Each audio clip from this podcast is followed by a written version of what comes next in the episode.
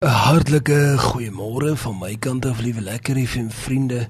Kosbaar, kosbaar in die Here se teenwoordigheid. Ons hier by 98.3 is verootmoedig. Ons is so nederig en so dankbaar. Die Here kyk na ons en die Here is die God van ons heil. Hy is die soetroos van Saron. En hy is die een wat sy liefde oor ons uitstort. En daar is niks wat ons kort kom nie. Liewe lekker en vriend, daar is niks wat jy kort nie. Die Here kyk na jou. En dit is baie belangrik dat ons nooit kyk na wat ons nie het nie. Ek weet dit is moeilik en ek weet ons is vlees. Maar ons is ook gees en ons kan kies. En kom ons kies vir môre om eerder te kyk in die gees wat ons al reeds het as om te kyk na dit wat ons nie het nie. Jy weet baie keer is ons vasgevang in 'n ding van, maar ek het nie dit nie en ek het nie dat nie. Wat het jy? Wat is vir jou gegee? Waarmee behoed en bewaar die Here jou? Is my so kosbaar hoe ons daar lees in die verhaal van Josef. En waar arme Ruben as die oudste broer in 'n geweldige traumatiese oomblik homself bevind. Soveel so dat hy sy dat hy totaal en al sy klere skeer. Nou vir ons is dit dalk vreemd, maar in die ou bedeling in in in God se volk het dit so gewerk. As jy daardie hartseer en daardie onmenslike pyn en daardie geweldige geweldige teleurstelling wil wys, dan jy jou klere geskeur. 'n Totale moedeloosheid op moed verloor se vlakte. En vanmôre sê jy dalk vir my, weet jy wat ek voel net so. Voel of ek ook my klere kan skeur van alles wat in my lewe aan die gang is. Dalk voel jy so. Dalk sê jy vir my man ek ek wil eintlik meer as dit afskeer. Ek ek is so ongelukkig en so 'n moeilike posisie dat ek dit amper nie in woorde kan omskryf nie. Ek wil vandag vir jou sê, as jy soos Ruben sê en nou, waarheen moet ek gaan? Letterlik die woorde van Ruben nadat sy broers agter sy rug daadwerklik vir Josef gevat het en hom soos 'n besitting gaan verkoop het aan 'n Midianitiese geselskap hierdie ouens wat speserye en balsam verkoop en hy hy hy het hulle verkoop. Hy het hom uit vir Josef hulle het vir Josef verkoop vir 20 sikkel silwer. En weg is hy op pad Egipte land toe. Wat moes hy vir sy pa sê? En hy sê en nou wat moet ek nou doen? Waarheen moet ek nou gaan Ek wil vandag vir jou sê as jy op daardie moed verloor se vlakte is waar jy by jouself dink maar gaan die Here nie op een of ander manier na my omsien nie. Gaan die Here nie sy hand teenoor my strek en iets vir my doen nie. Gaan die Here my nie help nie. En dan besef ek weer soos wat die woord daar in Psalm 119 sê, U is my skuilplek en my skild, op U woord wag ek. Op U woord wag ek. Here, U is my bron. Daar is geen ander wat ek wil dien behalwe vir U nie. Daarom wag ek op U woord. Dit wat U vir my wil sê, dit wat U aan my wil bekend maak, daarvoor wag ek. Hoe wonderbaarlik is dit nie? Ek wil jou vra om vanmôre jou Bybel te gaan haal. Ek wil jou vra om vanmôre jou woord in jou hande te neem en bring sommer 'n potlood saam. Ek wil vir jou vandag vra dat jy waarlik sal stil word en dat jy die woord sal lees daadwerklik saam met my sal lees en vertrou dat die Here weet presies wat hy doen en hoe hy dit moet doen. Ons weet dat die Here getrou is in elke opsig, maar vat vir my jou woord en dan blaai jy vir my baie kosbare skrifgedeelte wat ek graag wil hê jy saam met my moet lees daarin Filippense 4 vers 13. En ons ken hierdie skrifgedeelte Ons ken hierdie skrifgedeelte al so lank soos wat ons eintlik al lewe. Van die eerste oomblik waar ons verstand gekry het waar ons geleer het om werklik te luister en te lees, het ons hierdie spesifieke skrifgedeelte al vir ons gelees. Daar is hoofde, daar is onderwysers, daar is dominees, daar is uh, pastore, daar is baie mense wat al hierdie skrif vir jou gelees het en ek lees hom vandag weer. Ek is tot alles in staat. Ek is tot alles in staat deur Christus wat vir my die krag gee. Filippense 4 vers 13. Kom ons sit net so, dan sluit ons die oë, dan bid ons saam. Hemelse Vader, dankie vir u woord. U woord is kragtig.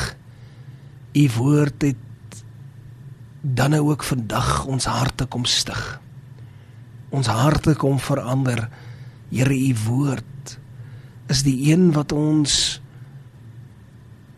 op 'n dag tot dag basis wat vir ons aanduiding gee wat vir ons die rigting aanwys. Seën u woord.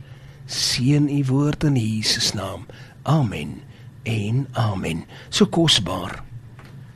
En so waar. Absolute waarheid.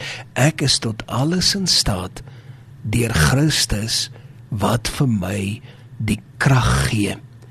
Ek wil vandag vir jou sê, jy is in staat om daardie moeilike omstandigheid reguit in die oë te kyk, vierkantig. Daardie omstandigheid waarin einste Ruben homself bevind het, daar waar dinge uit sy hande uit heeltemal deurmekaar en holdeste bolder gegooi is. Ruben as die oudste het geweet sy pa gaan hom blameer en hulle het lustig raad gehou teen Josef sê die woord van die Here. Toe hy daar aankom, toe sê hulle al daar kom daai dromer aan. Daar kom die man aan wat dink hy kan 'n klompie droompies kom staan en droom hier by ons en vir ons vertel dat ons voor hom gaan buig. Toe hou hulle lustig raad teen hom. En Ruben het geweet hy gaan in die moeilikheid wees as hulle gaan reageer en hy sê vir hulle wag 'n bietjie manne, wag net 'n bietjie. Gooi hom eerder daar in die put en dan gaan ons later met met met met 'n plan vorendag kom. Eintlik sy plan was om hom later los te laat, maar hulle het hom absoluut geïgnoreer en hom doeteenvoudig net weggevat en doeteenvoudig teen sy wense. Hoe baie maal gebeur dan nie dinge teen ons wense nie? Hoe baie maal gebeur daar nie iets buite ons beheer nie. Ruben, toe hy weer daar kom, toe Josef weg, toe sy al op pad. Toe sy al ver, ver weg op die pad op pad Egipte land toe. Wat kon hy doen? Wat kan partymal in ons lewe, wat kan ons doen? As dit gebeur het, het dit gebeur as die ongemak gekom het, dan het die ongemak gekom. Maar luister hierna, Jesaja 46 vers 4. En tot die ouderdom toe is ek dieselfde, ja, tot die gas, tot die grysheid is ek dieselfde.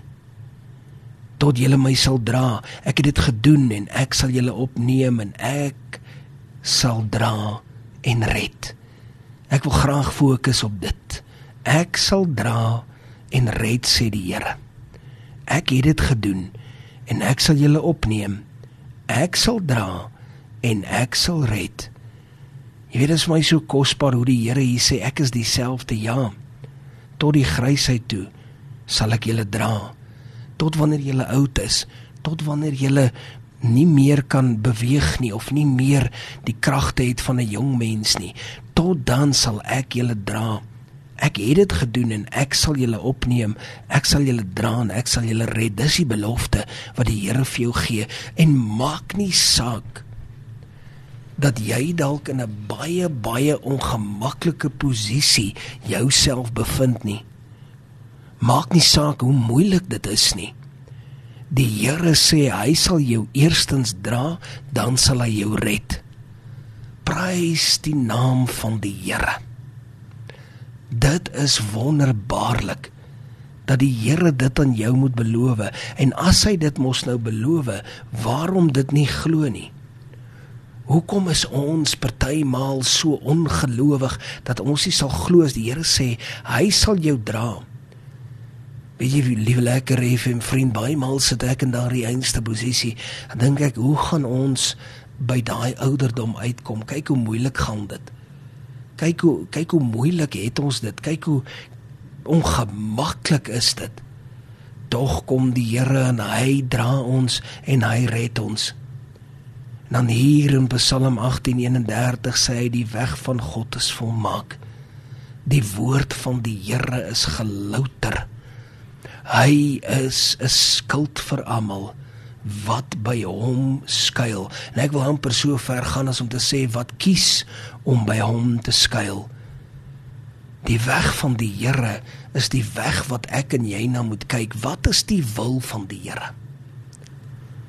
wat is die wil op die ou einde van die Here want dan glo ek sal jy net so Sadrag Messig en Abednego nie eers 'n reukie van gebrande hout aan jou lyf voel nie. Jy sal nie eers weet daarvan nie. Want die Here sal na jou kyk. Hy weet wat is jou volmaakte weg want hy is volmaak. Die woord van die Here is gelouter en hy is 'n skild vir almal wat uiteindelik kies om by hom te gaan skuil. Dit is die woorde van die Here. Dit is iets wat ek kan vertrou omdat die Here so gesê het. En wanneer ek myself haas hier na die einde toe en ek is amper amper klaar, wil ek jou seën. Ek wil jou seën met nog 'n skrifgedeelte. Blaai vir my saam daarna Psalm 59 vers 17 toe dan lees jy saam met my skrywe skrywe mooi daar neer die datum en wat die Here in jou hart kom bevestig. Laat ek vir jou lees. Maar ek sal sing van u sterkte. En elke môre sal ek jubel oor u goedertierendheid want u was 'n rotsvesting vir my en 'n toevlug in die dag toe ek benoud was is dit nie kosbaar nie tydjie terug het ek vir die gemeente dit aangestuur dat hierdie einste skrifgedeelte vir die hele gemeente gestuur want daar het die vreeslikste wind wat ons almal kan onthou Daar het die vreeslikste wind nou die dag gewaai. Ek meen die winde was oor 100 km/h. Dit het ons almal in Pretoria laat skrik in die land laat skrik. Ek het in my hele lewe bitter min sulke rukwinde gewaar en ervaar. En daar het 'n boom heeltemal ontwortel vanuit die grond uit daar op ons kerkterrein en hy het net so geval na die rigting toe waar niks was nie en dit is 'n massiewe boom ons praat van 'n boom so oud soos 40 50 jaar oud en die Here het bewaar. Die Here het bewaar. En dan sal ek vandag met baie vrymoedigheid ook kan sê ek sing van die sterkte Here want ek weet u kyk na my. U behoed my, U bewaar my. Here, U lei my. U skuif my so bietjie met die handpalm links en as dit nodig is so bietjie regs. En dan lei U my so in die middel deur. En dan weet ek ek sal nie eers ek sal nie eers in 'n miljoen jaar daardie groot ysberg tref nie. Elke môre sal ek jubel oor die goedendierenheid want U was 'n rotsvesting vir my en 'n toevlug in die dag toe ek benoud was. Tot sover die woord van die Here. Kom ons sit net so. Dan sluit ons die oë, dan bid ons saam. Hemelse Vader, dankie vir die woord. Dankie dat u woord kragtig is, sterk is. En dankie dat ek weet omdat ek weet u kyk na ons. En Here, u maak seker dat ons harte veilig is by u. En Here, ek bid dit nie omdat ek dit verdien nie, maar alleen vanuit u groote genade. Amen. En amen.